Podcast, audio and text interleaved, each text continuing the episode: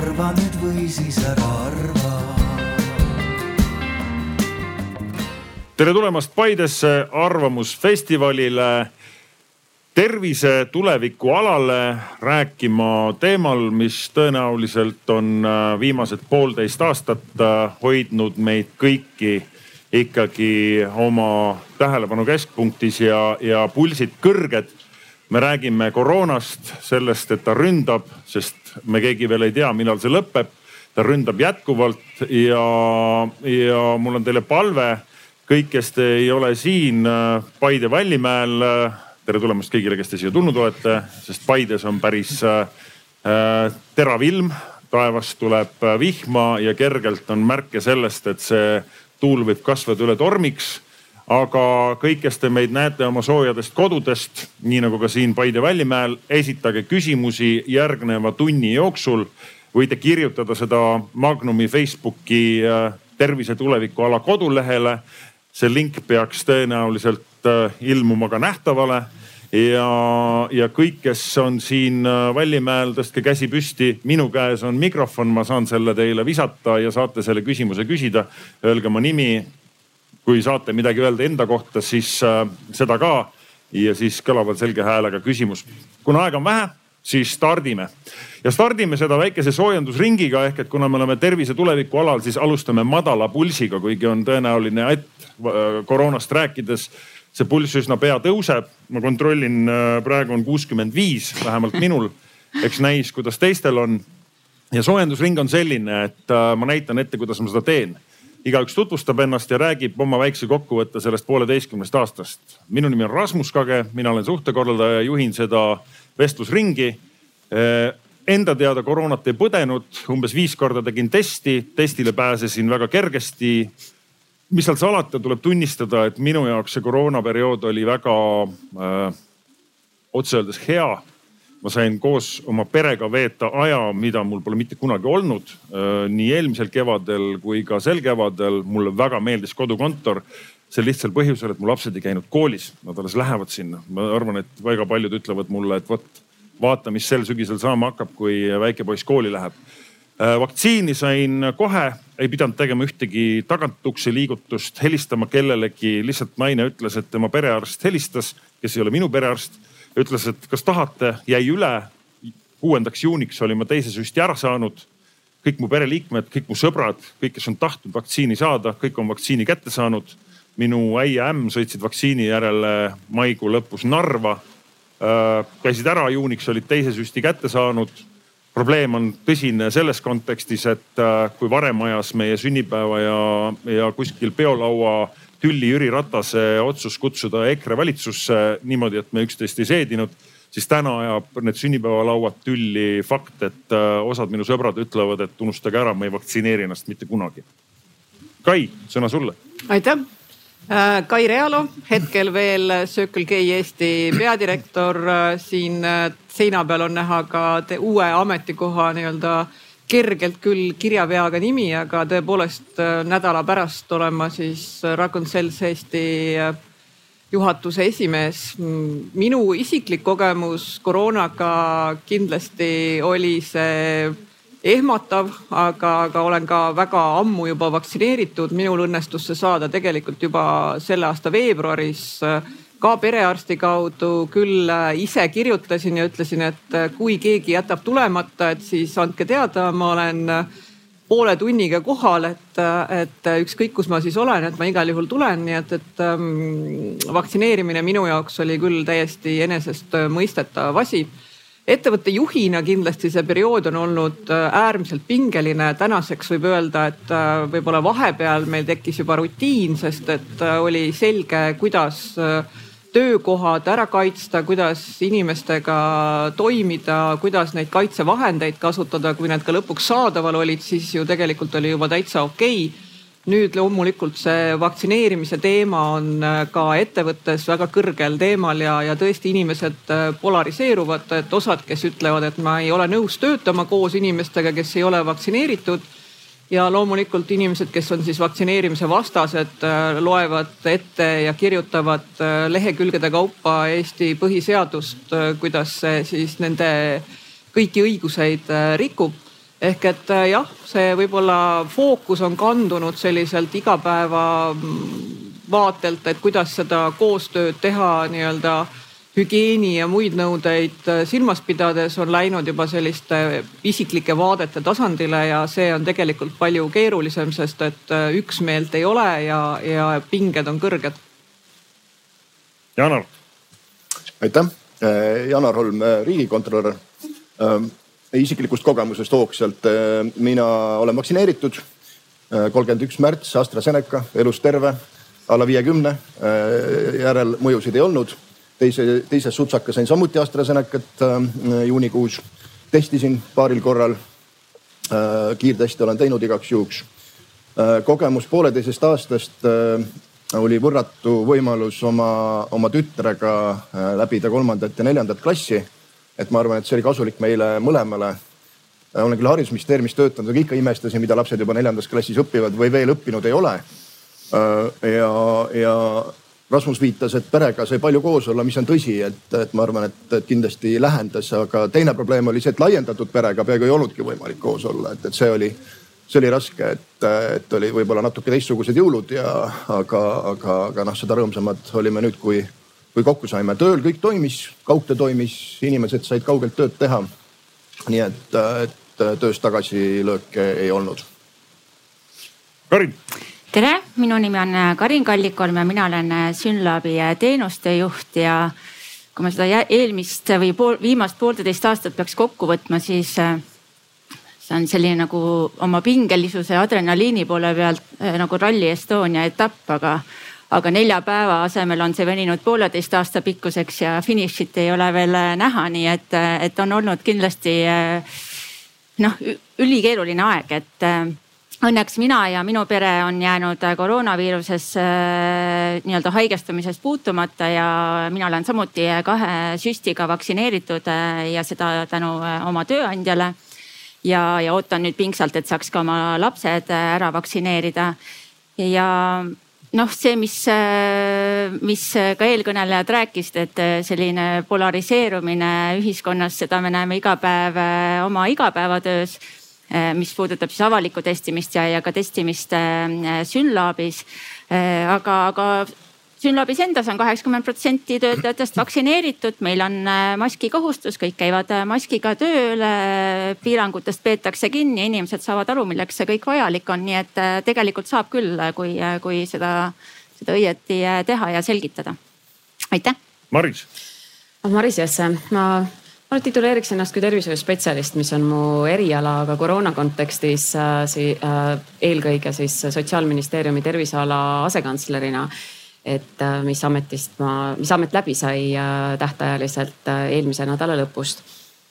Ähm, minu jaoks kogemus sellest viimast pooleteistkümnest aastast on täiesti risti vastupidine teile.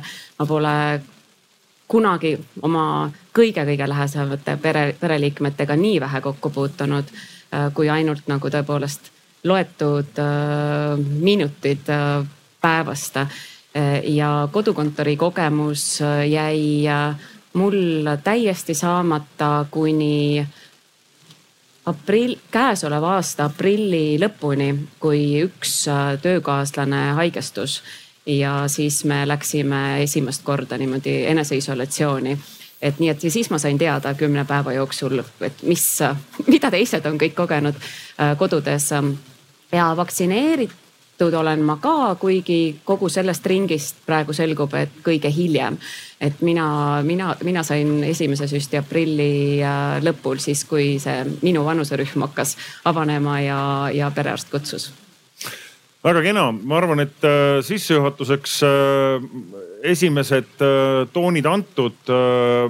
kuna aega on vähe, siis me räägime peaasjalikult kahel-kolmel teemal, testimine, vaktsineerimine ja mis siis edasi saab ja seetõttu viskan kohe palli ka Karinile, et kui me tuleme siin eelmisesse kevadesse tagasi, siis ma mäletan seda, et olles ise seotud Rally Estonia meeskonnaga mm. -hmm. see, mismoodi ühel hetkel selline kahe nädala jooksul toimus selline davai, teeme. kõik ühed võtsid autot, teised võtsid äh, mingi bensiinikaardi Circle K-st, kolmandad jooksid, tegid ennast vabaks, kõik ütlesid davai, sõidame terve Eesti läbi. nii, mina toon need testid sealt ära, sina tood sealt ära, kes läheb Saaremaal, ilged võrgud, üks logistika, Synlab testis öösel, sõideti. mega kihvt töö mm, -hmm. kui kiiresti see avalik võrgustik püsti pandi mm? -hmm see täp täpselt nii oligi, nagu sa kirjeldasid, et, et äh, ma pean ütlema, et testimise korraldus Eestis on kahtlemata väga hea näide sellest, kuidas erasektor ja riigisektor äh, saavad väga edukalt koos toimetada ja me olime selles suhtes kindlasti eeskujuks kogu Euroopale ja kui eelmise aasta märtsikuus üsna kiiresti selgus, et terviseamet äh, kasvavate testimismahtudega enam hakkama ei saa, siis äh, usaldati testimise korraldus äh, erasektorile. ja see, et Synlab tol hetkel ülemaailmses defitsiidis suutis hankida Eestile vajalikud reagendid, testimisvahendid, seadmed sealjuures võttes äh, ärilisi äh, riske, sest me räägime ikkagi mitme miljoni suurustest investeeringutest, teadmata kauaks testimist jätkub, äh, omamata mingisugust riiklikku garantiid, et need kulud saavad ka kaetud. et see, et me suutsime need vahendid tagada, on kahtlemata töövõit ja selle üle tasub olla uhke, sest Eestis ei jäänud ükski inimene testimata sellepärast, et meil ei olnud piisavalt vahendeid aga mis puutub avaliku testimisorganisatsiooni, sest see, see sai tõesti püsti äh, kahe päevaga hõlmates endas siis seitset erameditsiiniettevõtet ja kahte riigihaiglat.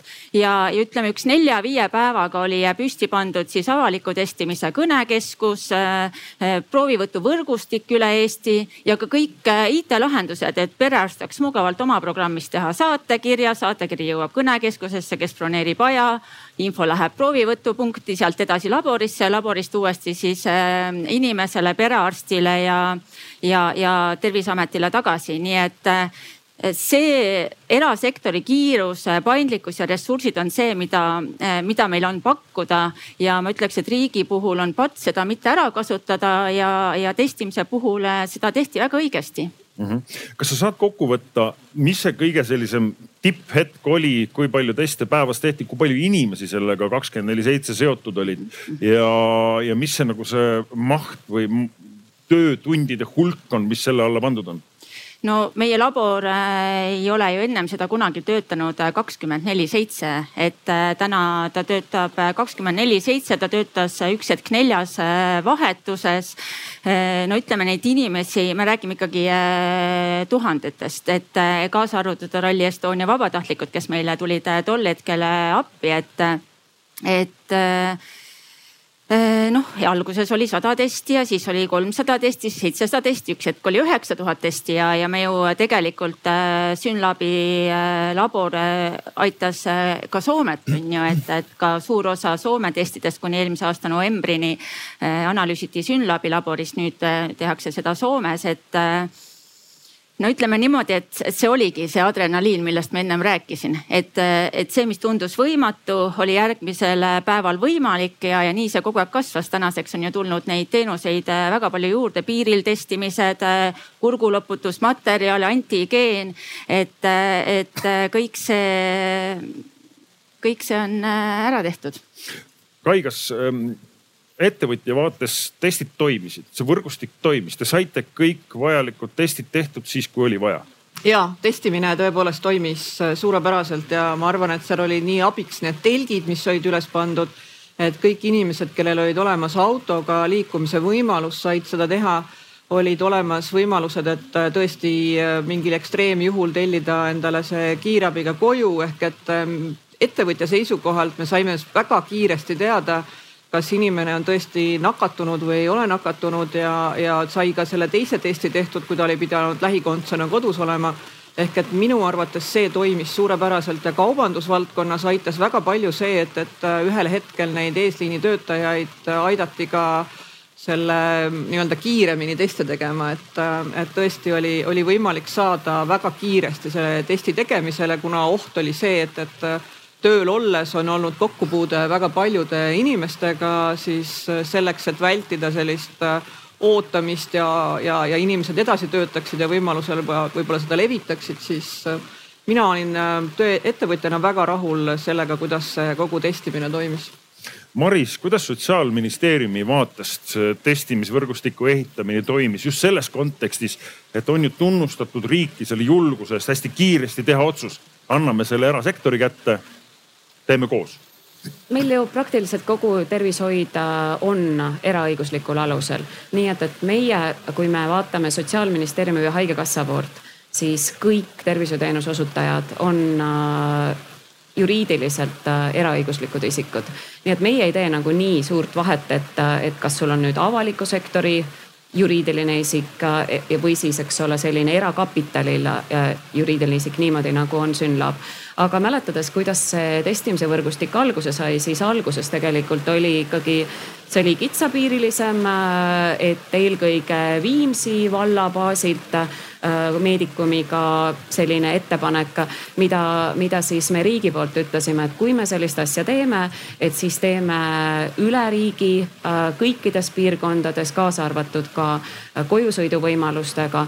nii et, et see nagu era, erast tulnud initsiatiiv, seda täiendas siis riigi pool ehk Terviseamet ja Sotsiaalministeerium nagu sellise üleriigilise vajadusega, äh, et, et kuidas, kuidas see võiks olla ning siis erasektor vaatas äh, need äh, siis nagu teenuse osutajad välja, eks ole, et oli selge, et, et et ei saa mitte ükski asutus üle-eestiliselt seda pakkuda üksinda, vaid et siis see jagati niimoodi sektorite, sektorite viisi ära. aga nii, et jah, et see, see oleks eelkõige, et, et oli vajadus ja siis see pakkumine nagu pandi omavahel kokku. mitte nii, et, et keegi tuli selg ühe, ühe nägemusega ja siis vot seda teeme, vaid me koos arutasime, kuidas seda on mõistlik teha Janar, sina oled äh, kaks korda kirjutanud, ühe korra Tanelile, Tanel Kiigele, ministrile, teine korra peaminister äh, Kaja Kallasele.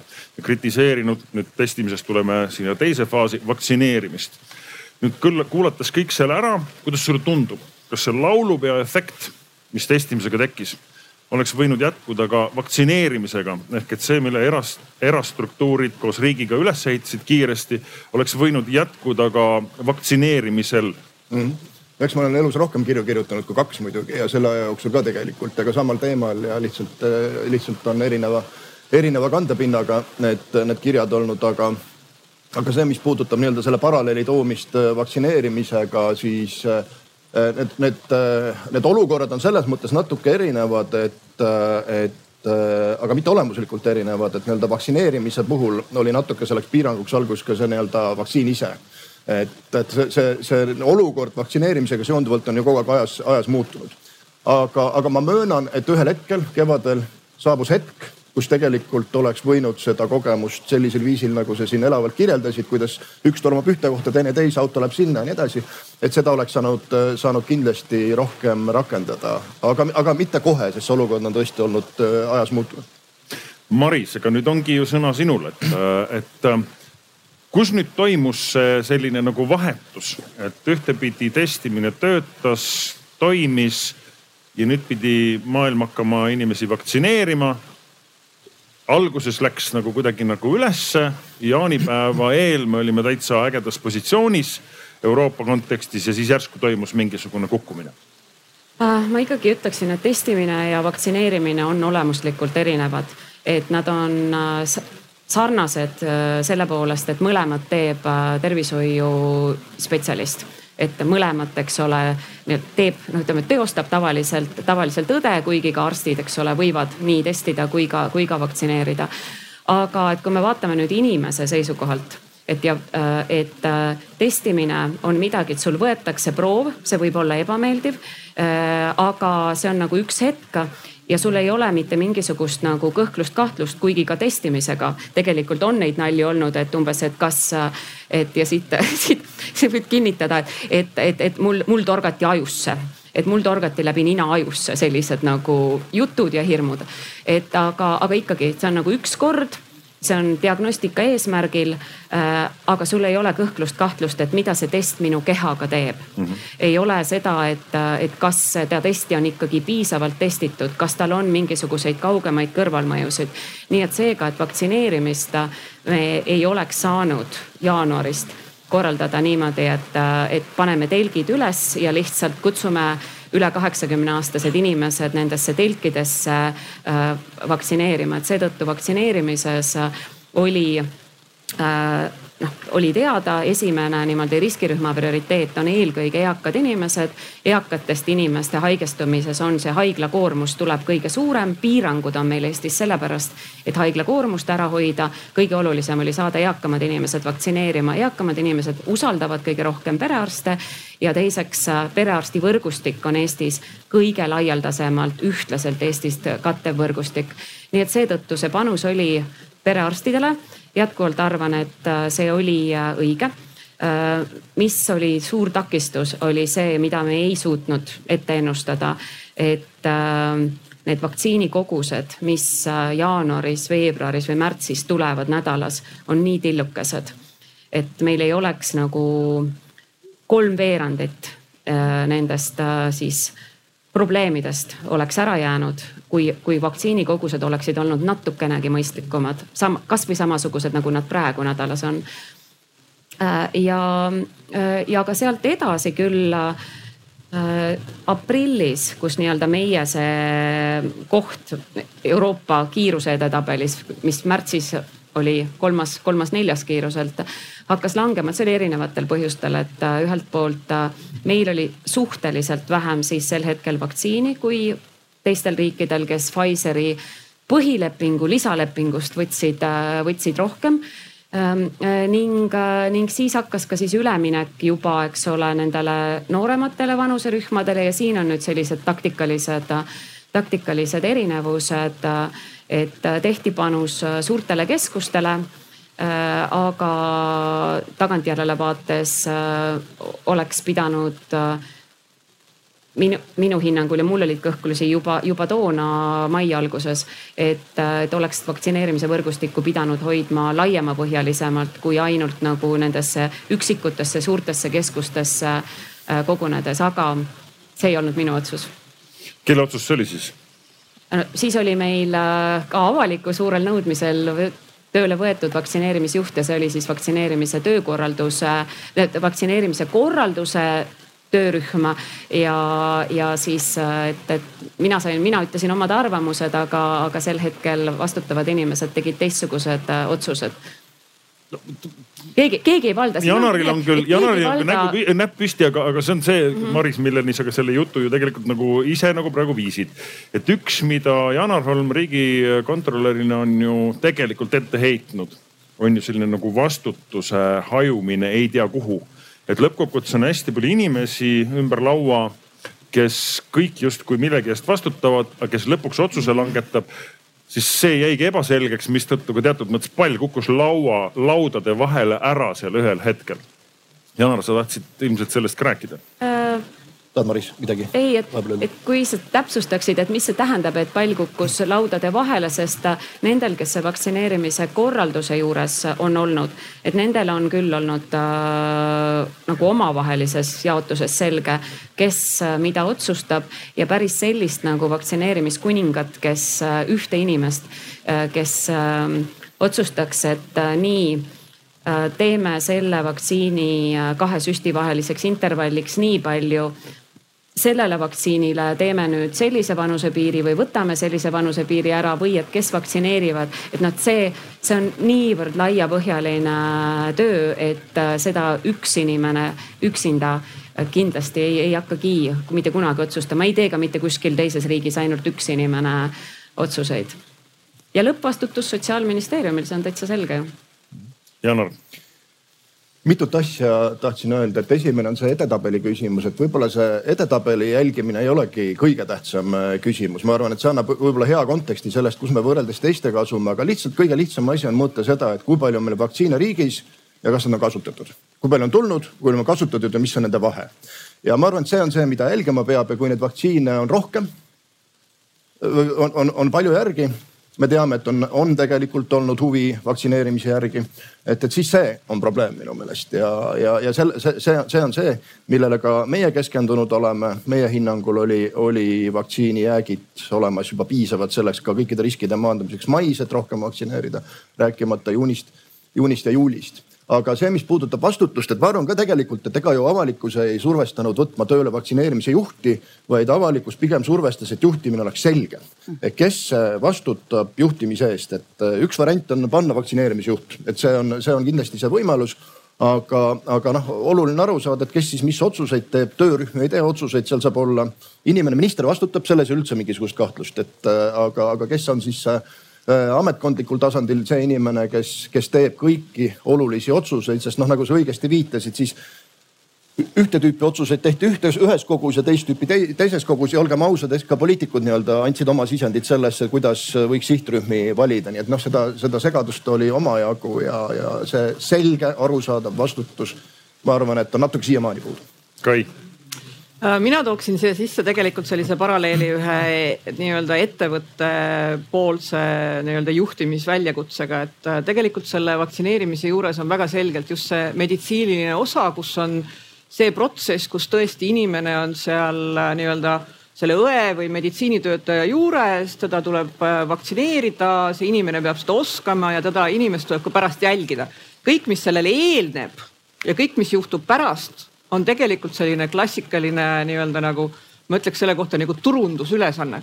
ja ma arvan, et kõrvaltvaatajana mulle tundus, et võib-olla selline logistika ja, ja meditsiini pool oli riigil nagu selge, et äh, kuidas seda peaks tegema ja kuidas seda võiks äh, nii-öelda teha nii, et, et see oleks meditsiiniliselt korrektne. aga kuidas sa seda nii-öelda oma sihtrühma kaardistad, sest et äh, nagu tegelikult Maris väga hästi ütles, see vaktsiin on äh, asi, mis äh, igale inimesele avaldab mingit omamoodi mõju ja, ja inimestel on erinevad tunded sellega suhtes ja ma arvan, et selline vastutustunne nagu näiteks minul, kes ma arvasin, et ma pean enda peale mõtlema, aga kõige olulisem ka mõtlema oma vanemate peale ja üldse ühiskonna peale. siis seda tunnet paljudel inimestel ei ole ja igal inimesel on erinev tunne sellega seoses, mis temaga juhtub. mõne inimese jaoks on näiteks kaks päeva kui tal võib tekkida see nii-öelda mingisugune reaktsioon sellele süstile tema jaoks on see nagu täiesti mõeldamatu, sest ta elu on selline ühtlane jada, ta tahaks lihtsalt olla kindel, et tal ei teki kunagi ühtegi kahte, kaheminutilist pausi, et ta peaks nagu aja maha võtma. ja, ja vot see osa, kus koha peal nagu seda sihtrühmad ära kaardistada, klassikaliselt selle vaktsineerimise juures olid nii-öelda nagu erakliendid ja ka ärikliendid ehk et mina ettevõtte juhina oleks olnud üks äriklient kellele oleks tulnud läheneda hoopis teistmoodi ma täna siiamaani ei, tegelikult ei ole saanud pihta sellele biidile, kuidas ma saan aidata oma inimesed ära vaktsineerida, sest et äh, teoreetiliselt kõik need lahendused on olemas, aga kui ma kuhugi helistan või kirjutan, siis mulle öeldakse, et ma ei tea, nelikümmend kaheksa inimest on liiga vähe, minge saatke nad kuhugi. Aga mul on töötajatega väga lihtne, nad on äh, lihtsad inimesed, nende puhul toimib see, et kui peadirektor ütleb, et homme kell kümme selles punktis, siis nad on homme kell kümme selles punktis. Aga kui neile öeldakse, et minge palun umbes sinna, siis äh, tekib vahepeal see, et ma pean äh, lapse laagrist ära tooma, ema aitama, minema kuhugi veel ja kõik see asi hajub kuidagi ära. ehk et äh, minu arvates selline nii-öelda era- ja, ja, ja riigi koostöö selles osas, et kõigepealt selgeks teha, kes need sihtrühmad on, kuidas nad mõtlevad kõik, kes täna vaktsineerimata on, ei ole vaktsiinivastased, neil lihtsalt ei ole vaktsineerimine prioriteet, see on kuskil seal ma ei tea, õhtusöögi ostmise ja, ja, ja perega jalutama minemise vahepeal kuskil selline väheägune asi. et, et ma arvan, et seda oleks saanud teha tegelikult maikuust selle plaani tunduvalt paremini ja me oleks täna juba väga suure sammuga edasi olnud juba enne jaani. Kai, palju Circle K-s inimesi töötab? üle seitsmesaja natuke. no eesliini töötajad, palju nendest on äh, vaktsineeritud? kuuskümmend, äh, kuuskümmend protsenti on tänaseks vaktsineeritud. kuidas nad siis said need vaktsiinid lõpuks?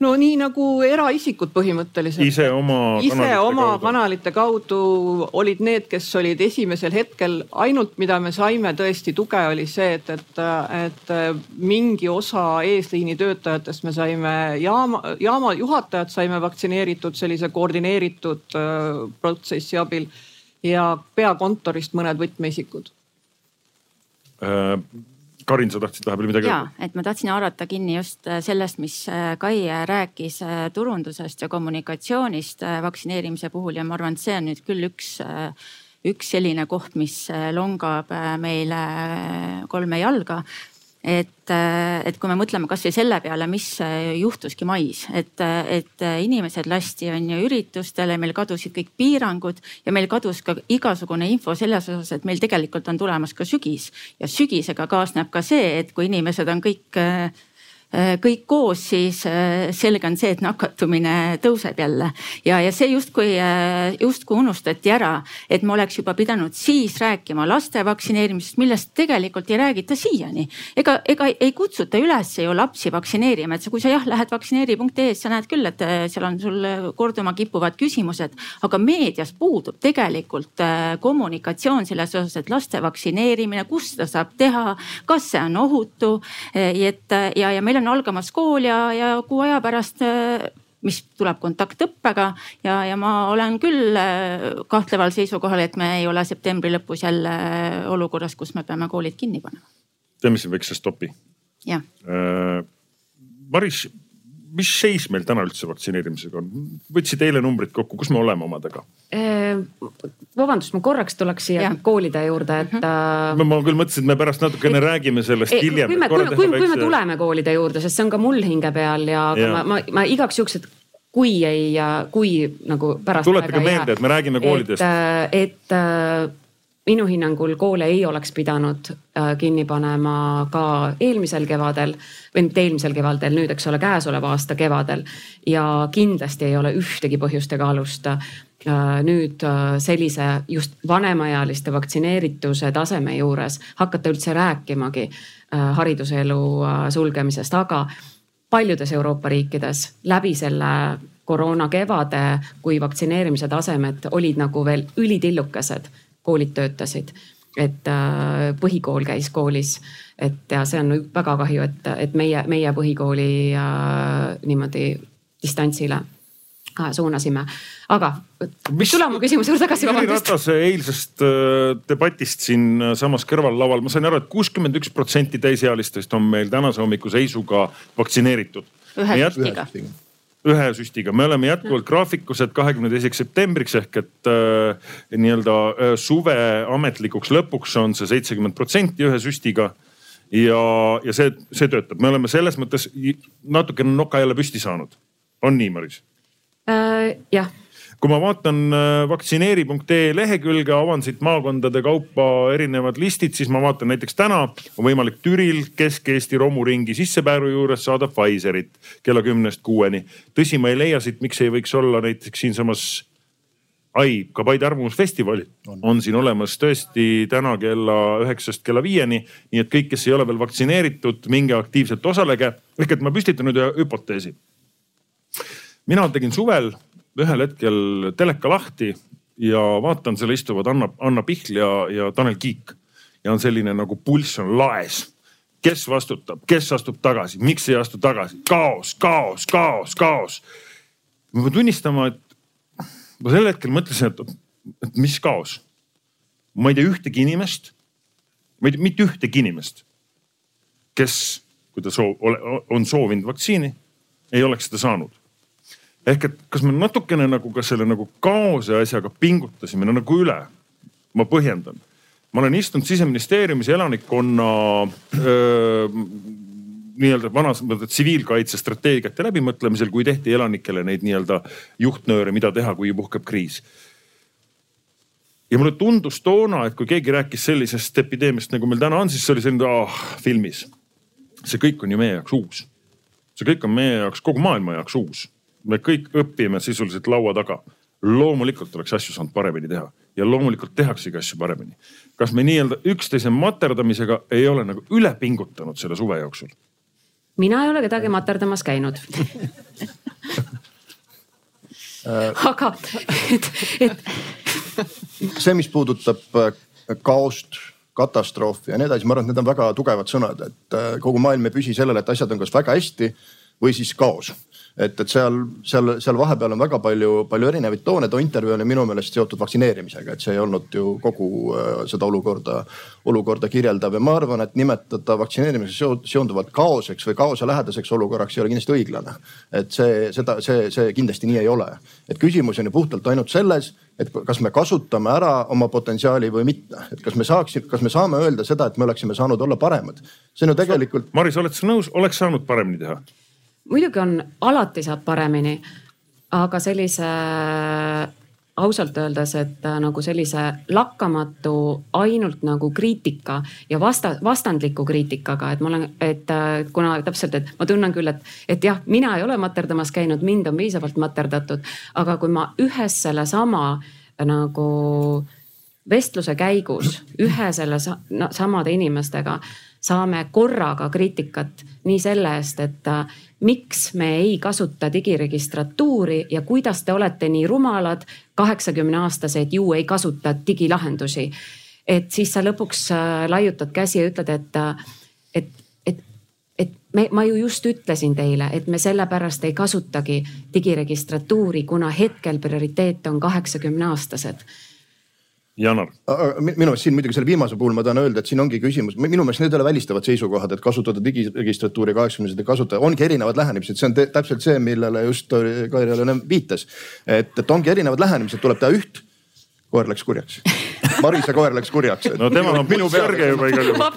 mul on ka kaheksakümmend üheksa juba, nii et tõuseb, tõuseb. et äh,. toote siia, teeme nalja äh, siis natuke rohkem. et ongi erinevad, erinevad lähenemised, ma arvan, et tegelikult lihtsalt küsimus on selles, et see aeg, kus kõik tormasid, on läbi ja nüüd tuleb neid, äh, neid, neid otsida, aga see, mis ma tulen korra veel selle kaose ja, ja katastroofi juurde tagasi. ma arvan, see, et see on ühiskonna jaoks, see ei ole ju, see ei ole ametnike küsimus, see ei ole poliitikute küsimus, see on meie kõigi küsimus, me tahame sellest neetud jamast välja saada ja, ja väljapääsuks ainus kontrollitav viis on vaktsineerimine. seda ütleb ju ka minister, et meie ainus tee vaktsineerimist on välja või äh, kriisist välja on vaktsineerimine. Öeldakse, et me ise saame otsustada, millal me lõpetame selle viiruse, see on vaktsineerimine. ja see on täiesti õigustatud küsida, äh, et miks on juuli alguses sada seitsekümmend tuhat doosi äh, kasutamata. et loomulikult jääk on ja jääk mingisugusel kujul peab jääk olema olukorras, kus tegelikult ikkagi on inimesi, kes vaktsineerida tahtsid, nad ei torma kohale linnateise otsa selleks, et vaktsiini saada. aga nagu nüüd viimased uudised näitavad, kuhu buss kohale läheb, seal on järjekord, järjekord taga. ma arvan, et ka täna siin isegi vihmaga, vihmaga tuleb järjekord, järjekord taha, nii et tegelikult mina arvan, et see on täiesti normaalne, et me olemegi, küsime ja olema nõudlikud äh, sellel teemal, mis puudutab vaktsineerimist, see on meie ainus tee sellest jamast välja. ja mis on õige selles mõttes, et üksteist mingis mõttes piitsutades me lõpuks teemegi mingeid otsuseid mm., mida kindlasti äh, erasektori tippjuhid oleks teinud kaks kuud varem, võib-olla nii nagu testimisvõrgustik üles ehitati, kahe päevaga oleks ka seal saanud otsuseid langetada kiiremini. Kai Teie olete nüüd ühe seltskonnaga kirjutanud äh, väga selge nägemuse, mida mm. peaks tegema, mida oleks võinud ammu teha. kolm-neli kõige olulisemat punkti sealt kirjast noh, kõige üks äh, tähelepanek oligi täpselt see, mis ma välja tõin, et äh, nüüd nende inimeste puhul, kes on veel vaktsineerimata, tuleks väga palju keskenduda sellele, et mis neil takistab seda tegemast.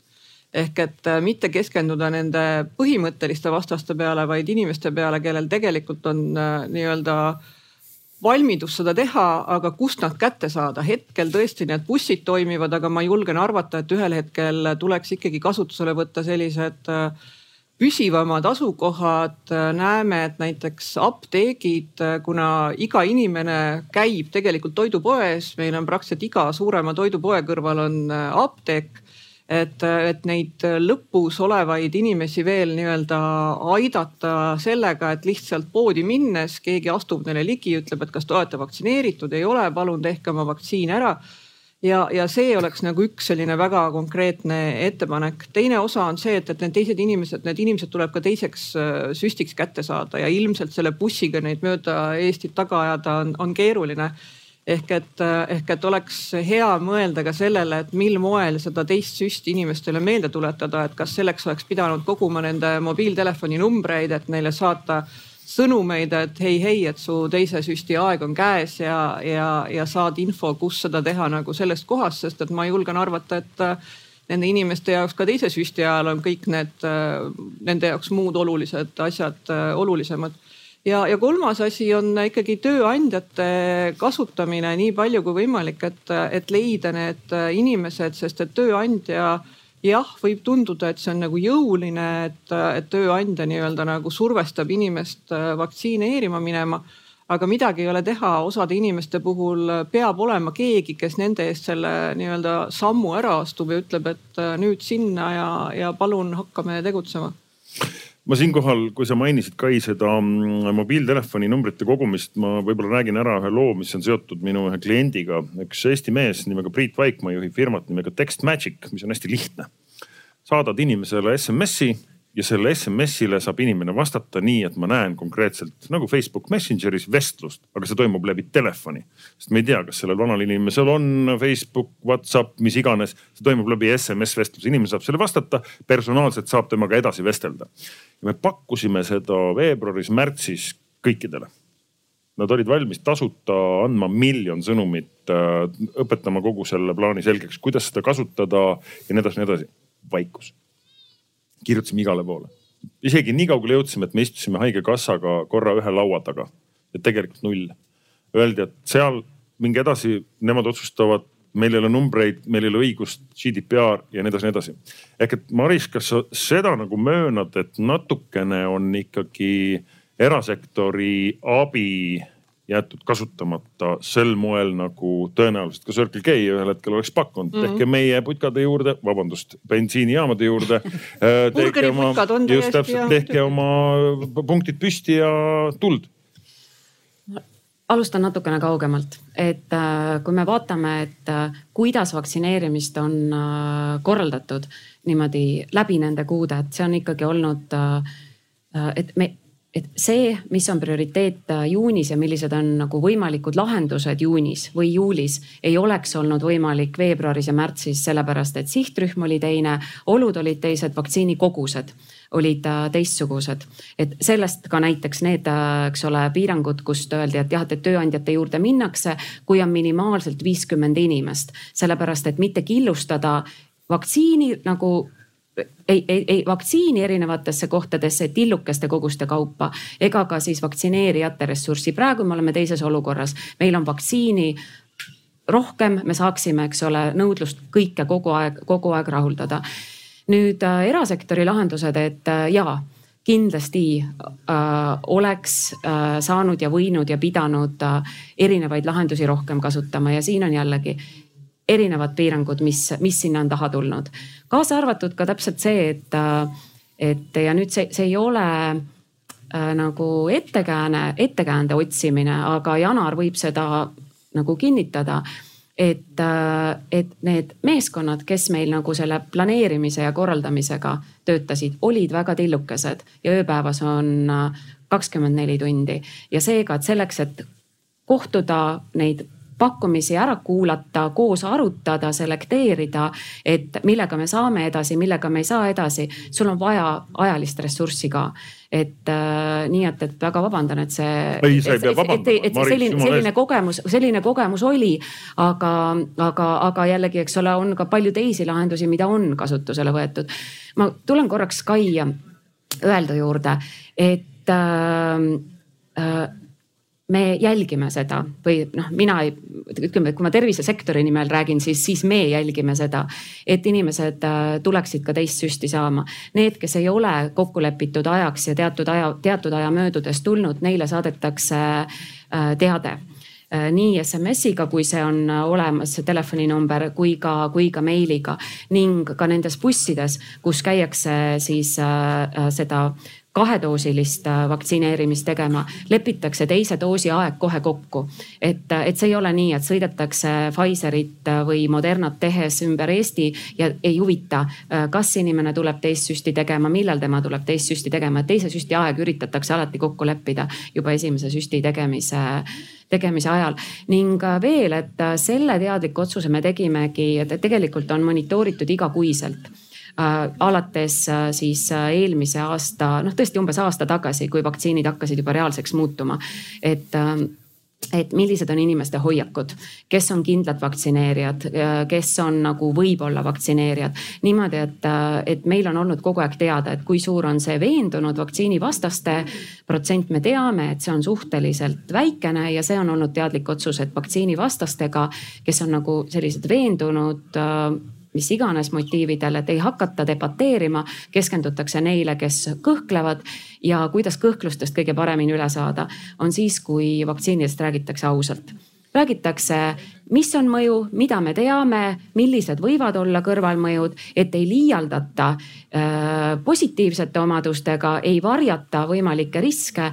et siis on, siis on nagu kõige ausam ja jätkusuutlikum äh, siis tõesti nend-, noh nendele inimestele vastata, kellel on küsimusi ja neid nagu kõhklustest üle tuua ma mäletan sellist episoodi kevadel, kui äh, eks meil sõpruskonnas oli ka ju soov, äh, et noh, et davai, teeme siis kes kuhu vaktsineerima või midagi ja siis meil ühed sõbrad said esimese süsti AstraZenecat said kätte.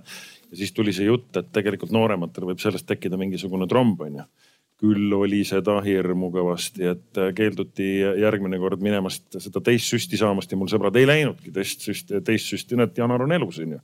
mõlemad korrad AstraZenecaga süstitud, kõik on hästi. et äh, kuidas see siin nüüd oli siis, kas see AstraZeneca hirmut-, kas see hirmutamine oli päris, see oli nüüd see aus, mida sa silmas pead? või see oli see, et, et ajame noored eemale, et vanemad saaksid oma süstid kätte? ei, ei, ei, ei. vähemalt üks endine peaminister on öelnud, et see oli hirmutamine, millel ei olnud alust noh peaministri, endise peaministri, see oli Andrus, Andrus Ansip, eks ole. et äh, noh, miks ta, miks ta ütles äh, või noh, ma, et jällegi ta tark mees, aga, aga, aga immunoloog ta ei ole ja kui ja, ja arst ta ka ise, ise ei ole, et, et ei, see ähm, kui me nüüd tuleme tagasi sellesse märtsikuusse, kus äh, AstraZeneca need äh, siis äh, haruldased sünd-, sündroomid, mis päädivad trombiga, hakkasid välja tulema, siis oli nädalavahetus, kus meil oli just tulemas selline suurem, et esimest korda, kui märtsi keskel olid sellised väiksemad vaktsineerimiskeskused tehti et see tuli vahetult, vahetult enne seda nädalavahetust. Ning äh, pooled Euroopa riigid, kui ma mäletan, noh Euroopa Liidu liikmesriigid tähendab, äh, panid AstraZenecaga vaktsineerimise üldse seisma. Meie andsime välja täiendava nagu siis sellise riski nagu maatriksi, äh, mille järgi hinnata äh, ja vaktsineerimist jätkati, nii et, et erinevalt paljudest teistest riikidest meie ei pannud AstraZenecat kordagi täiesti, täiesti seisma. mõned riigid äh, peale seda pausile panekut tegelikult jätsidki AstraZeneca täiesti, täiesti välja oma vaktsiiniportfellist. meie tõime ta tagasi ja, ja siis jätkasime, aga tõepoolest, et kaaludes siis äh, nende kasude ja riskide suhet.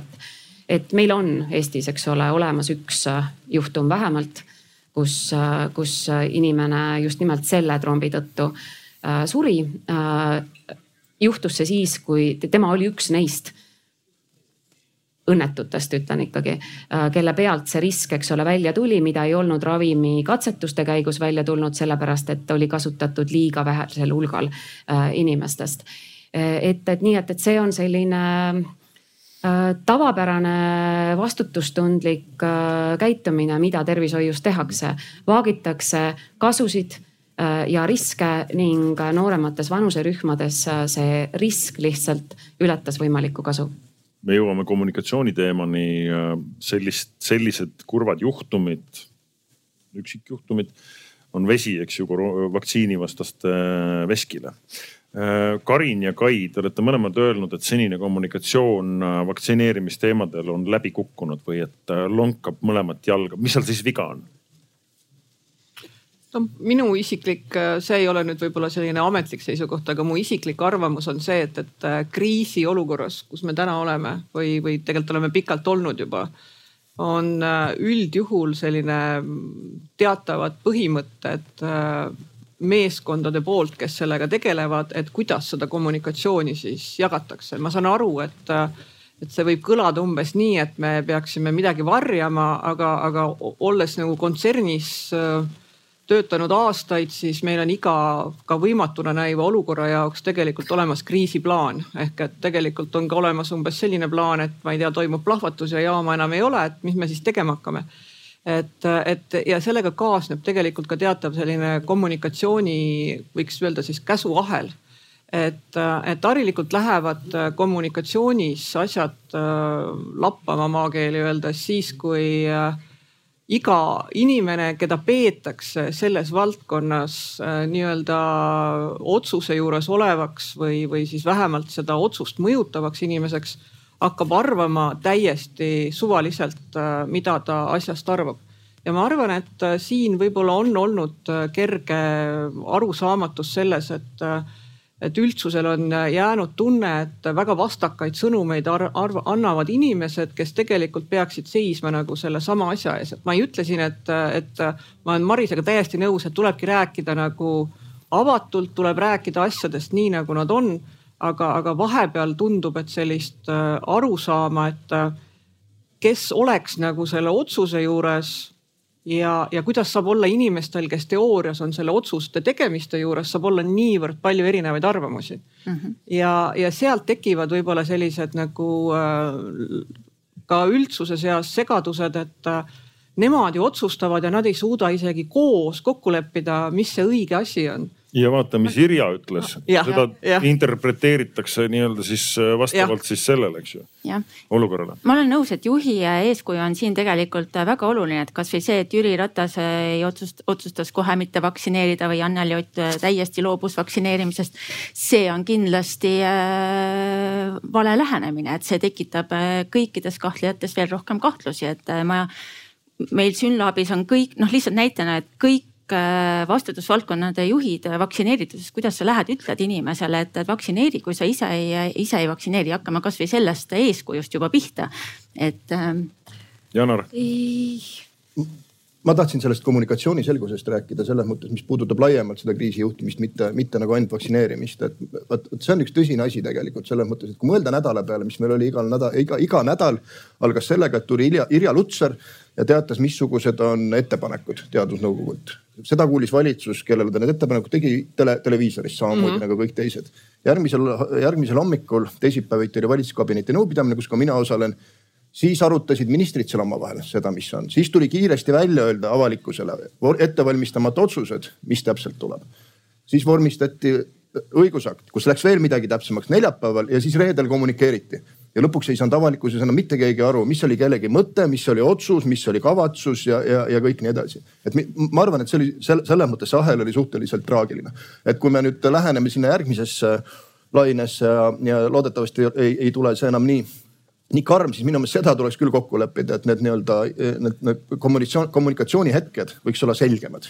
et kes mida ütleb ja, ja millal. mitte, et Irja Lutsar ei tohiks enam midagi esmaspäeviti rääkida, et vastupidi, et väga tore, et ta räägib, aga ta võiks äh, avalikustada selged seisukohad näiteks siis mingil kokkulepitud hetkel või noh, selles mõttes siin, siin on vaja seda selgust. ma, ma ise osalesin selles protsessis, mina enam reedel aru ei saa, et mis asi siis see lõpuks jäi mm., lihtsalt ei jää meelde enam see, selle segadusega. see ongi tähelepanuväärne, et ma olen ju ise ka aasta aega olnud valitsuses ja osalenud nii valitsuse istungitel kui kabineti istungitel, et noh üldjoontes kui need erinevad erakonnad ei läinud punkti, äh, punkti võitu võtma, siis lepiti laua taga järgnevate päevade tööplaan kokku põhimõttel, et VKB ehk et valitsuskommunikatsiooni büroo sai sisendi, mida jagati kõikidesse ministeeriumitesse, allasutustesse kui nüüd tõesti minister jälle selle poliitilise punktivõidu pärast ei läinud oma majas tegema mingit järgmist äh, soolot, on ju mm. -hmm aga. see, mis tegelikult eelmise aasta kevadest alguse sai, tõesti on natukene nagu hämmastav, et, et kuidagi nagu ühes torus oli viis erinevat rääkijat, kellel kõigil olid oma jutupunktid justkui nagu kuskilt äh, välja antud. -hmm. Maris äh,? praegu nagu olles ka väga lähedal kogu selles protsessis olnud, et, äh, et ma arvan, et see nagu nihuke kommunikatiivne ehk segadus nagu spetsialistide, mitte, mitte spetsialisti poolt, et, et vaktsineerimisel on nagu spetsialistide seas ja kõneisikute seas olnud äh, see vaktsineerimise sõnumid ja kommunikatsioon ühtsemad ja segadust on sealt tulnud pigem sellest äh, nagu väljastpoolt, kus äh, ettevõtja ütleb, et äh, miks on nende kahe süsti vahe nii pikk ja mitte naapikk, sest naaberriigis on nii pikk, et ma julgen ka öelda, et, et ehk olen, peaks ka meedia natukene peeglisse vaatama, et, et, et kui palju on kõik spetsialistid ja eksperdid öelnud, et me veel ei anna kommentaari, me, me ei taha tekitada segadust juurde ja, ja me ju teame ka kõik, kuidas ajakirjanik ütleb, et aga mina töötan praegu, eks ole, mina töötan reaalajas, mul on vaja kommentaari kohe. et mul oli esimene kord, kui oli selline sama need AstraZeneca vanusepiiride teema.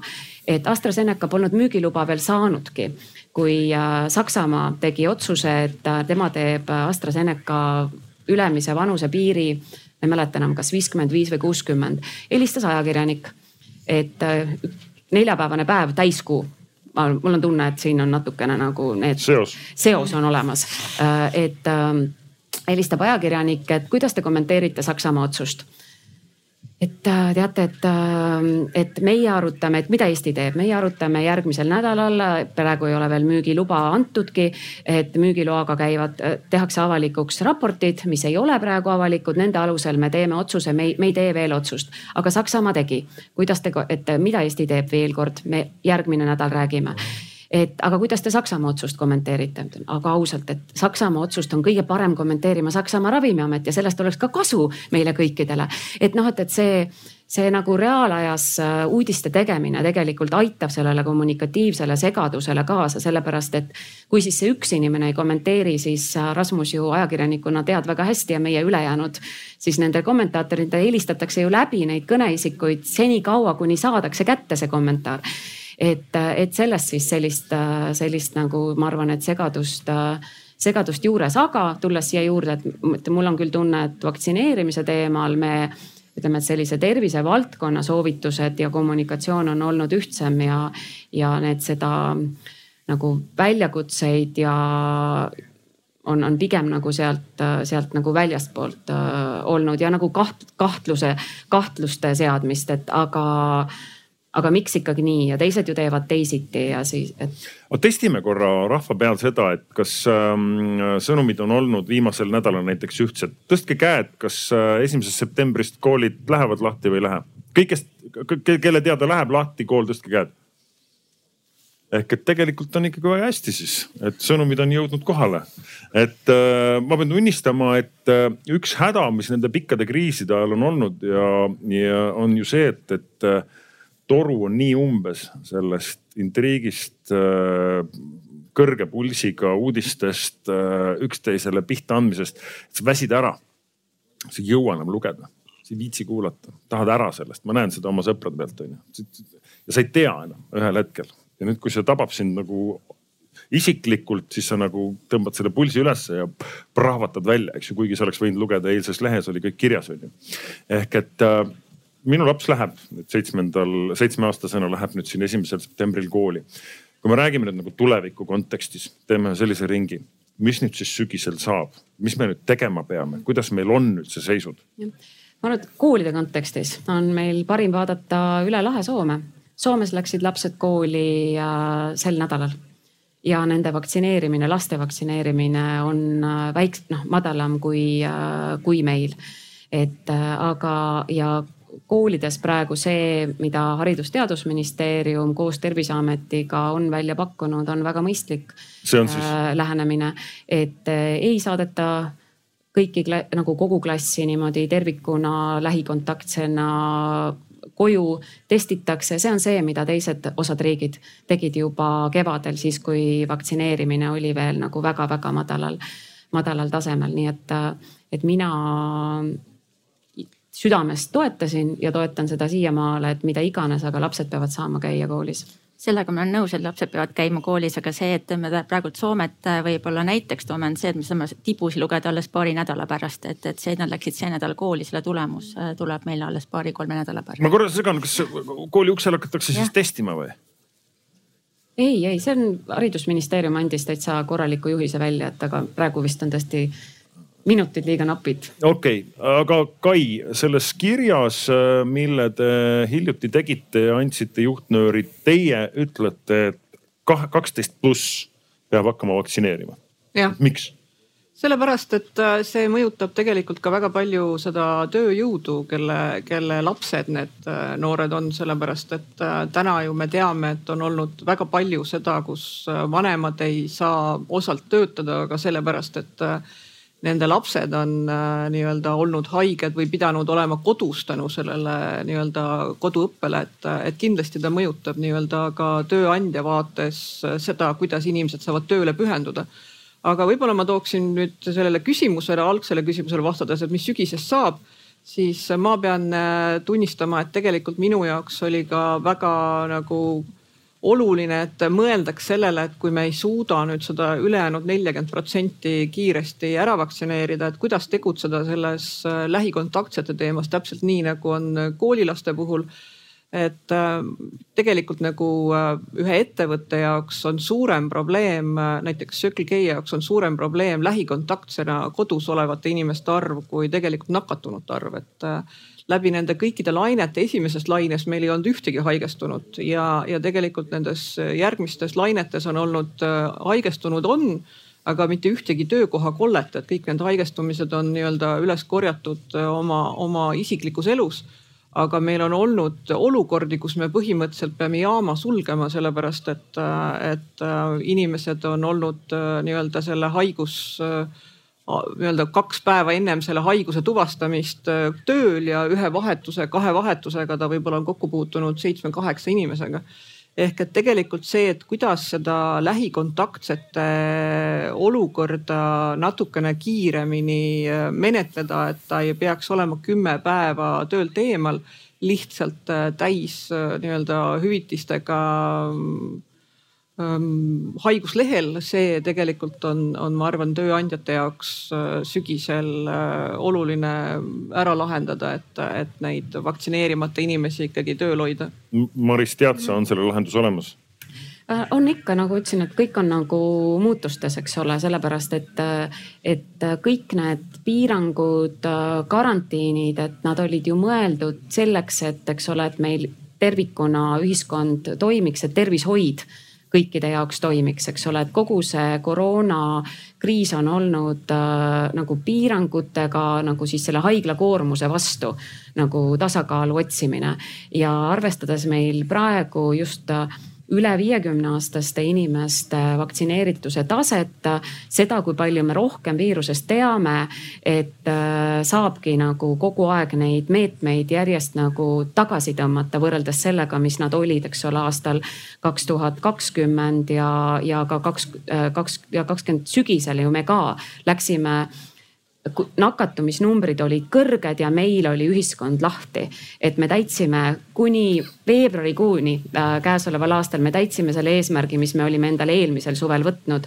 et püüda ühiskond, et juhtida seda viiruskoormust, äh, nakatumiskiirust ühiskonnaelu võimalikult vähe häirides ja me õnnestusime kuni veebruarikuuni, kus oleks pidanud piirangutega natukene rohkem kiirustama kui ja, ja kiiremini tegema, et siis oleks see märtsikuu jäänud niimoodi äh, sellisena, selline sellena olemata, aga nüüd ta tuleb, mida küll kahjuks, et ma nüüd äh,.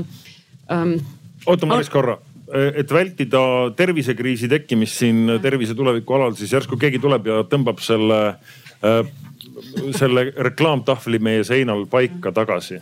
et, äh, et, et, äh, et see ei ole nüüd küll äh, nihuke hea lause, millega siin debati lõpuosa siis niimoodi panna mingisugune granaat kuskile lauale.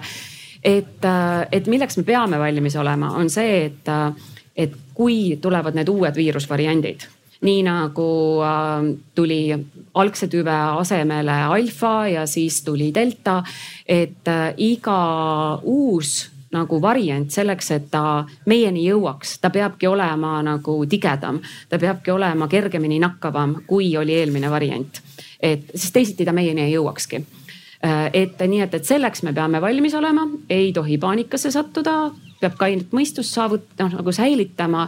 Eh, ja, ja aga, et eh, hetkel keegi teadlastest ei ennusta, et tuleks sellist nagu varianti, mis sellisest vaktsiinikaitsest nüüd massiivselt ja täielikult läbi murraks ja pigem ikkagi ennustatakse, et see hakkab nagu tagasi minema selliseks üheks noh, seda juttu me kuulsime ka juba mõnda aega. ei, ei, ei, ei, ei seda, seda. mina pigem, mina pigem kardan, et me näeme seal õ-tähega viirust ka veel ja nii edasi noh jah, üpsilon võib tulla, aga ta ei, ta ei tee, ta ei, ei ole ühtegi ennustust, et ta traagiliste tagajärgedega, et ta tuleks, et niimoodi, et me sellesse nullpunkti kahe tuhande kahekümnenda aasta jaanuari peaksime tagasi minema Karin, mida me peame tegema sel sügisel, et riik ei läheks lukku ja lapsed jääks kooli, inimesed saaksid tööl käia?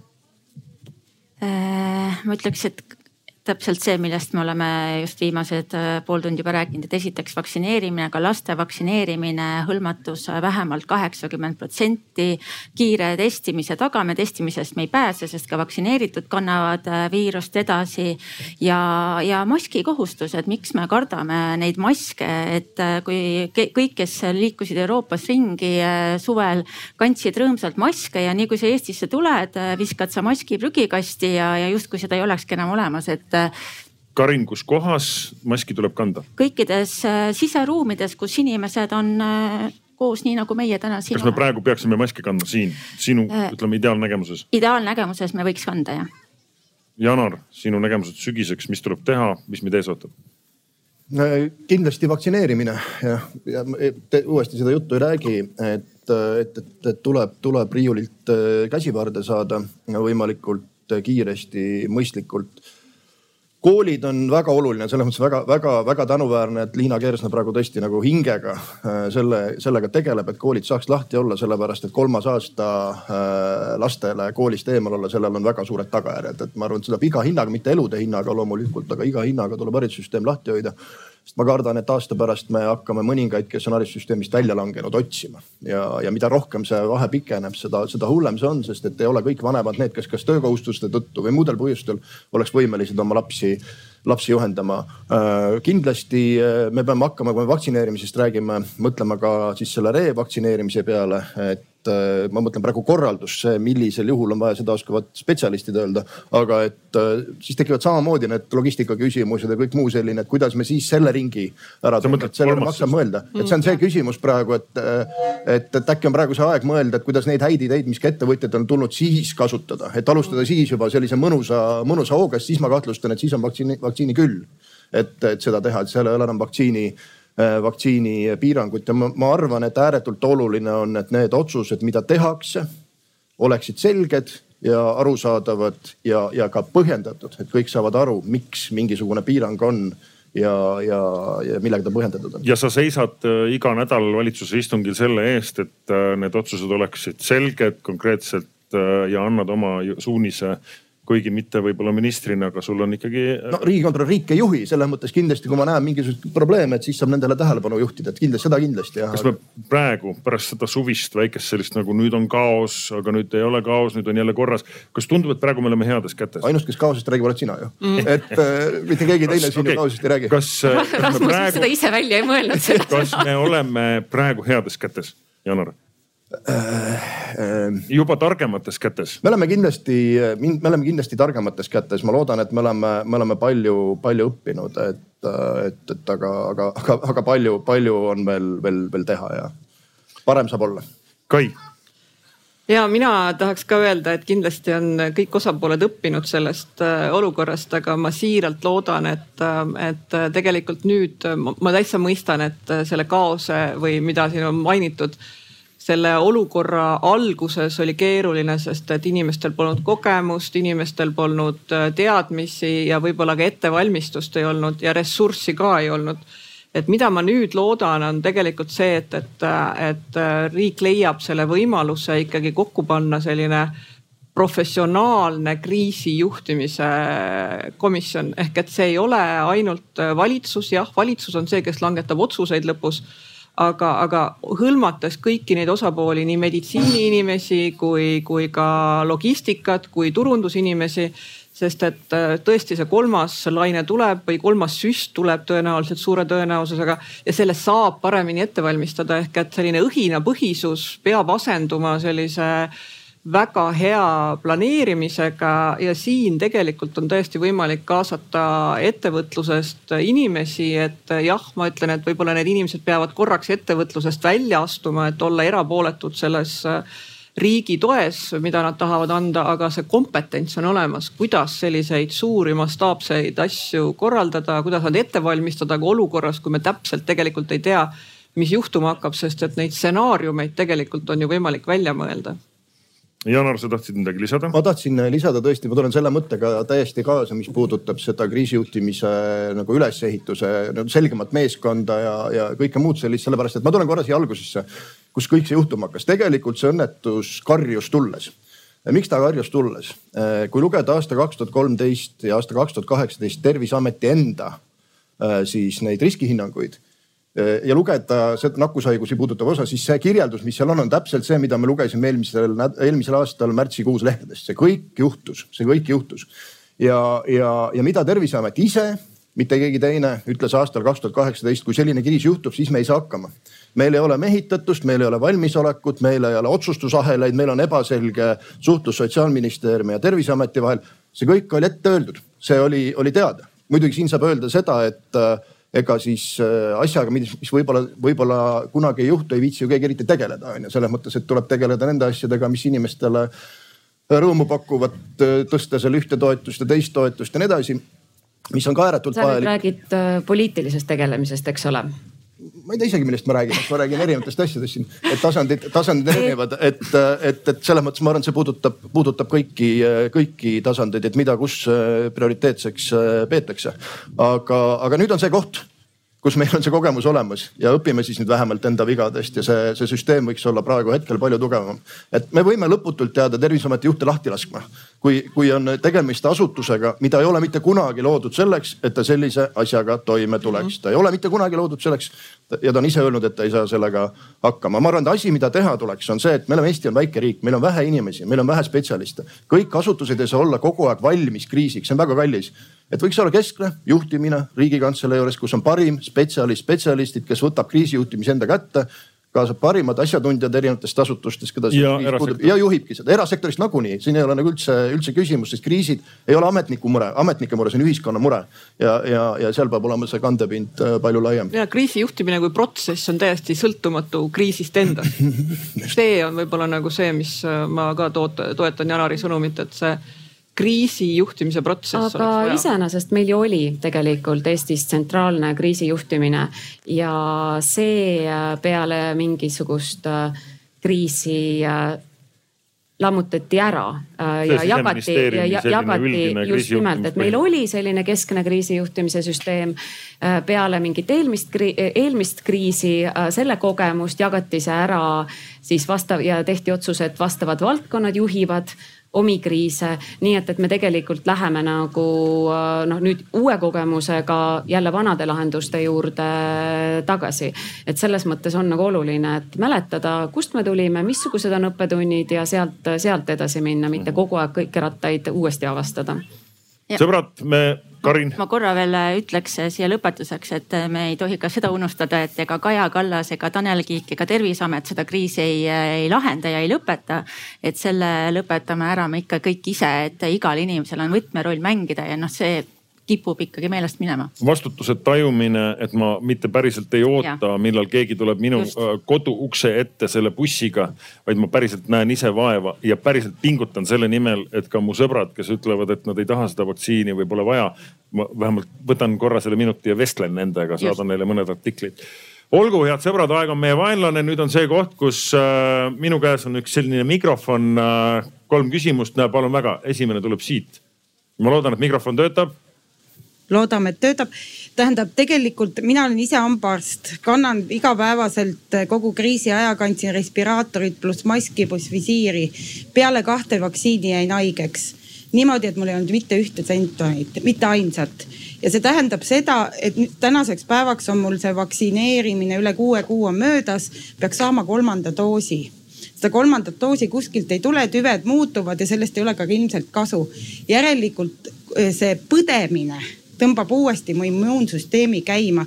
ja minu ettepanek just oleks hoida ühiskonna võimalikult lahti, et meiesugused kes on juba kõik vaktsineeritud, saaksid neid uusi tüvesid endale märkamatult ja tegelikult peaks seda immuunsust nagu hoiaks üleval.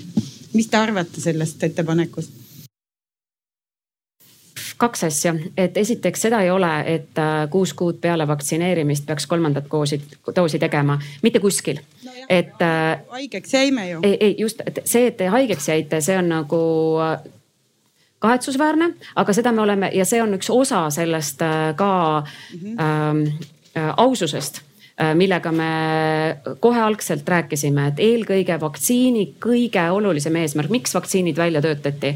Vaktsiini kõige olulisem eesmärk on ära hoida rasket haigestumist no,, äh, mis, mis hakkaks vajama haiglaravi ja mis, eks ole, oluliselt kahjustab inimese, inimese tervist. seda, et kas ta hoiab ära äh, kerget haigestumist, asümptoomset haigestumist, kui palju vaktsiinid hoiavad ära nakatumist, nakkuse edasikandmist Äh, oh, kui ma oleksin iga kord, kui me seda rääkisime saanud kümme eurot, mul oleks üks äh, väga ilus soojamaa reis äh, endale, endale võimalik, võimalik, võimalik teha, et kui, kui, kui inimene küsib, et miks me, mis mõttega me siis üldse vaktsineerime, kui ma ikka nakatun. et aga seda esiteks, et tõesti, et kõik, kes te olete vaktsineeritud kuus kuud tagasi, ärge minge praegu otsima palun endale kolmandat süsti. see ei aga... olegi küsimus, vot küsimus ongi nüüd, äh, selles, et kui on nagu kerge põdemine, miks siis äh, noh. et ainult, et jah, et ainult sellel eesmärgil äh, nagu ühiskonda lahti hoida, et las vaktsineeritud põevad kergelt läbi. et see ei oleks nagu õige eesmärk, sellepärast et osa meist on vaktsineerimata, osa vanemaid inimesi on vaktsineerimata. aga mm, kaitse mis teil nüüd on, äh, on super jah, tõsi. Nonii, meil on äh, Hillele üks küsimus sealt. Äh, tere ja aitäh väga vahetu analüüsi eest ja neid õppetunde oli siit kuulda ja, ja erinevad nägemused sellest, kus me praegu oleme. Mina tahaks küsida tuleviku mõttes, me jõudsime juba sinna välja, et nüüd vist muutub jällegi kriisijuhtimine ja see korraldus. Et nii palju, kui teil infot on, mis te arvate ja mis te loodate, tuleb nüüd selles juhtimises teistmoodi? mis tuleb või mida tuleb teha teistmoodi? ei, mis tuleb, mis teie arvates hakkab juhtuma, sest ma viitan sellele, et kriisistaap loodi nüüd riigikantselei juurde. Janar ma, ma räägin lootusest, mitte teadmisest, et kuidas asjad, asjad olla võiks, et selles mõttes ma arvan, et, et ka see, et nüüd loodi kriisistaap riigikantselei juurde, näitab seda, et, et kord nii, kord naa, et, et selles mõttes ikkagi see see nii-öelda tuleviku erinevateks kriisideks ettevalmistuse mudel peab olema püsiv, et Maris viitas ka sellele, mis on kunagi olnud, aga tegelikult tuleb vaadata ka sisse mitte ainult sellele, kuidas ülesehitus oli mõeldud, aga kas asi ka päriselt seal sees sellisena toimus, nagu ta mõeldud oli. nii et selles mõttes alati ei pruugi see nii-öelda väliselt tundub, et läheme sama juurde tagasi, aga tegelikult siin on mõte ka see, et lisaks sellele, seal peab ka sisuliselt mingisugune teine muutus toimuma. ma loodan seda, et äh, me mõistame ükskord äh, lõplikult seda, et Eestis ei ole, ei ole nii palju inimesi, kes kogu aeg saaksid kõigega erinevates asutustes tegeleda. et me võtame parima inimese, inimesed, kes juhivad seda ühest keskusest, minu nägemuse järgi võiks see olla riigikantselei. Ja siis, kui juhtub tervisesündmus, siis kaasatakse parimad inimesed terviseametist, kui on keskkonnasündmus, siis keskkonnaametist. ka seal peab valmisolek olema oma, oma lõigus, nii et, et lihtne, et see, see, see, see lootus on. Et ei saa niimoodi, et tuleb üks laine, siis on ühtepidi, tuleb teine laine, siis on teistpidi või jumal teab, mis siia otsa, otsa veel tuleb. keskne kompetents nii-öelda kriisijuhtimiselt pluss temaatiline kompetents jõukohane lähenemine, mis võimaldab te seda teemat ka tegelikult päriselt juhtida. ka vastutusselguse küsimus. palun küsimus. nii, nüüd mul on nüüd sihuke küsimus, mul on natuke pikem see sissejuhatus. aga teeme võimalikult lühidalt, siis järsku teistele jääb ka küsimuseks aega. esimene asi, eks ole, et äh, kas MMS-iga saab ravida koroonat? ei. nii, me oleme kõik oleme nõus sellega nii, aga MMS mõjutab kindlasti ainevahetust ja, ja, ja, ja nii edasi ehk nii-öelda tervist võib ta mõnel parandada. mismoodi, noh, see ei ole, see ei ole adekvaatne ravi, aga tervist võib parandada.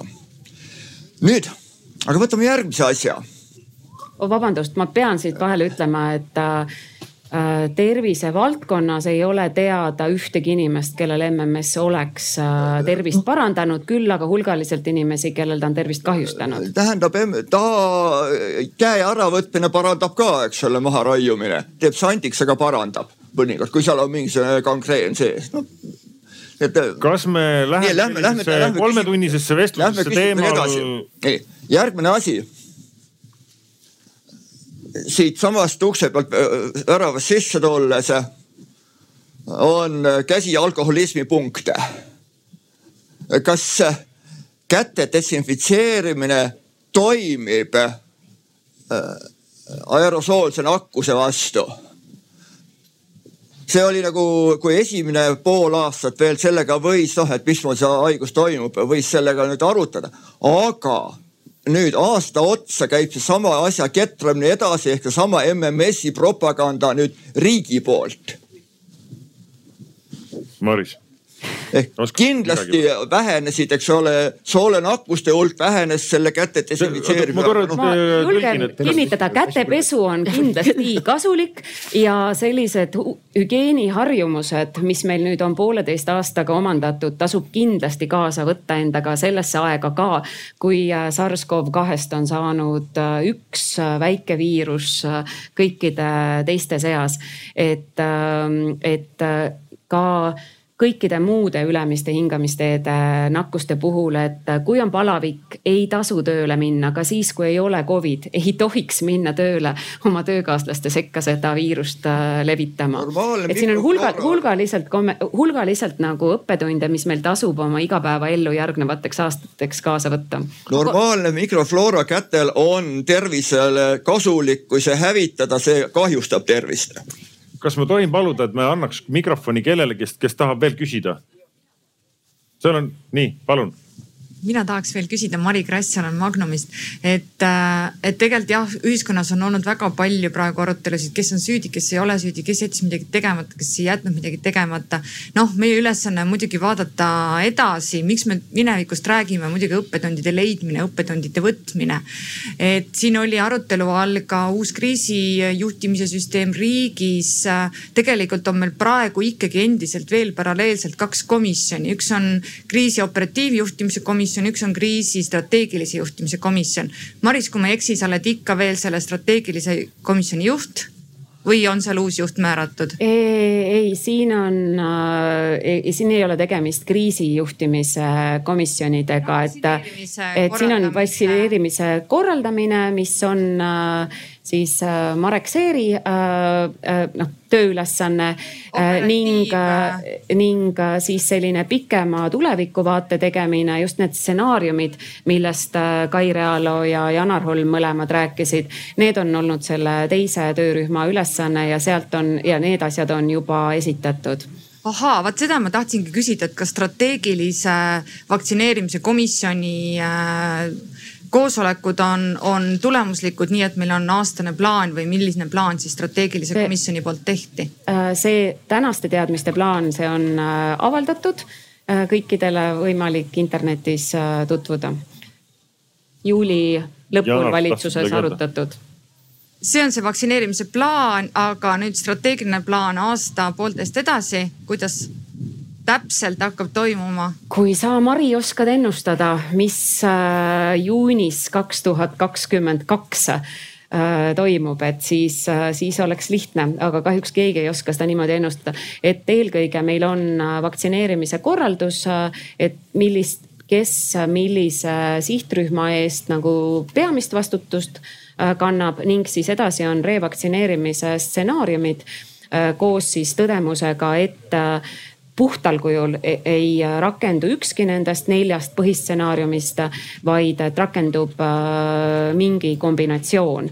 et praegusel hetkel äh, noh äh, on il-, noh, et ilmne on ja osad noh, see on nagu kõige tõenäolisem, et kolmandat, kolmandat vaktsiinidoosi äh, võivad esimesena hakata vajama inimesed, kellel on immuunsus madalam, aga siis juba haiguse tõttu madalam, teatud diagnoosidega inimesed. ning äh, võimalik, et äh, mõne, mõne siis vaktsiiniga vaktsineeritud inimesed vajaksid äh, esimestena kolmandat äh, doosi, aga sellest oleme veel, veel, veel kaugel, et ei ole, et ikkagi selle raske haigestumise vastu pakuvad kõik vaktsiinid väga head kaitset. Janar, tahtsid midagi lisada? ma tahtsin korra lisada, et see, mis puudutab seda vastutust, siis mina soovitan mitte minna mõttega kaasa, et üks töörühm juhib midagi, et, et juhib konkreetne inimene. liiati ei saa kaks töörühma mitte midagi juhtida, et, minu meelest see, see, see vastutuse selguse mõttes on oluline teada saada, kes otsustab, mida ja kes on see isik. et kui on vaja töörühmi teha, ma arvan, et see on väga tore, las need töörühmad olla, laiapindsed, seal on oma funktsioon, aga on ikkagi üks inimene, kes annab äh, vastuseid, see peab olema, see on, see ei pea olema vaktsineerimisjuht, ma jätkuvalt arvan, et avalikkus ei nõudnud eraldi inimese võtmist, vaid selgus selles, et kes vaktsineerimist juhib. et siin võiks pigem rääkida sellest, kes vaktsineerimist saarist rääkisid ajalehed äh,? see tundub küll nagu täitsa. inimesed tundsid juhtimisest, juhtimisest puudust, ma arvan, see oli lihtsalt see, mis, mida otsiti. võtame viimase küsimuse äh,. aitäh, Teet Torgo on minu nimi ja minu küsimus on äh, eesmärgi seades, äh, et mis peaks meie ole, meil olema see järgmine suurem eesmärk või siht äh, praeguses tervisekriisis. ja, ja natukene konteksti ka, et oma küsimusele, et mingil hetkel äh, räägiti väga palju karjaimmuunsusest. Ja, ja siis öeldi, et karjaimmuunsus on äh, see, et mitte keegi enam, mitte ükski meist kunagi haigeks ei jää siis paralleelselt ja, ja, ja võib-olla ka ajas natukene hiljem hakati rääkima sellest, mis Maris ütles, et hoiame tervishoiusüsteemi, hoiame haiget, haiglad käimas. et ärme lase tervishoiusüsteemil kokku kukkuda viimastel nädalatel inglased ütlevad, et karjaimmuunsust ei ole enam võimalik saavutada, sest et uus delta tüvi on nii võimas. Eestis ma olen kuulnud, et Eestis karjaimmuunsust ei ole võimalik saavutada see sügis. Ja nüüd minu küsimus on, et mis meil siis peaks olema see meie tänane pikaajaline eesmärk, et mida me tahame, et me hakkama saaks või kuidas me elama peaks? Ah, ma olen vist nende eesmärgi seadmisega olnud kõige rohkem seotud, et äh, eelmisel suvel me seadsime eesmärgi ja sõnastasime selle niimoodi internetis samuti kättesaadav tervishoiu valmisoleku kavas. et äh, teine laine äh, kulgeks ühiskonnaelu võimalikult vähe häirides ja me olime selles edukad äh, kuni veebruarikuuni. ülejäänud riigid läksid plaks-plaks-plaks, lõpetasid oma tegevusi, noh nagu ühiskondlikke tegevusi järjest alates novembrikuust. meil olid üsna normaalsed äh, jõulud selles mõttes, et me saime käia kontserdil, me saime käia spaas. me saime erinevaid asju teha, välja arvatud Ida-Virumaal ja Harjumaal, aga siis selle delta tüve levikul äh,, ei alfatüve, alfatüve tulekul äh, Eesti jäi äh, kaks-kolm nädalat hiljaks piirangute tegemisel, et äh, et, et me oleksime saanud ka veebruari lõpu ja, ja märtsikuu ikkagi madalamate nakatumisnäitajatega läbitud, kui oleks piirangud äh, varem, varem tehtud. nüüd äh, vaktsineerimisel oli äh, alates esimesest vaktsineerimise siis plaanist, mis detsembris avaldati, esimene ja suurim eesmärk kaitsta raske haigestumise vastu, see on olnud vaktsineerimise kõige suurem eesmärk kogu aeg ja raske äh, raske haigestumise vastu kaitse tähendab seda, et ei tule haiglakoormust, ei ole vaja piiranguid. ning, ja tegelikult sama, samasugune eesmärk käib ka praegu edasi.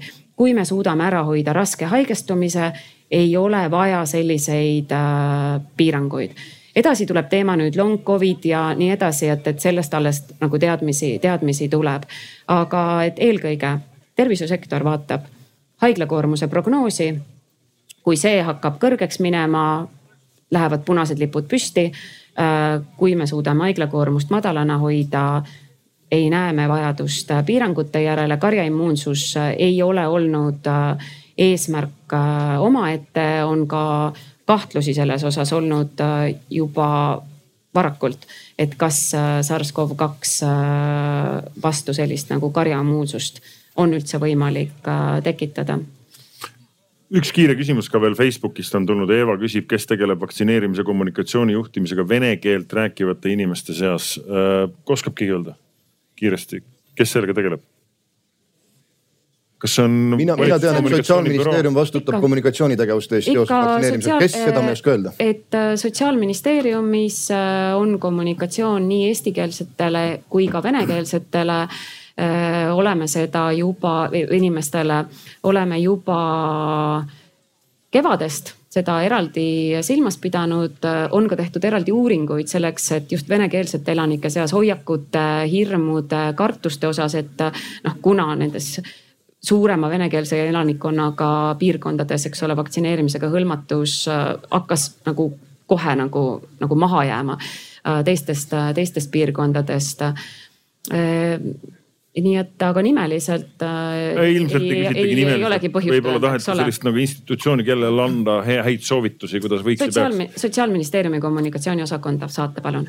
sellest kom-, koroonakriisist võiks rääkida tunde ja mm. ilmselt räägitakse täna siin veel. ma loodan, et me ei räägi sellest äh, kui operatiivsest aktuaalsest teemast ka aastal kaks tuhat kakskümmend viis või kaks tuhat kolmkümmend Arvamusfestivalil, et ühel hetkel saab see siiski läbi. Äh, meie arutelu on siin läbi, mul jääb ainult äh, selle tervise tuleviku lava Äh, eestvedajate poolt Synlab, Medicum, Confido, Qualitas, Eesti Patsientide Liit, Apotheka Magnum üle anda meie osalejatele tänukirjad, äh, mis on siis äh, äh, aitäh oma osalemise eest, toetasid Teeme Pai heategevuslikku kampaaniat.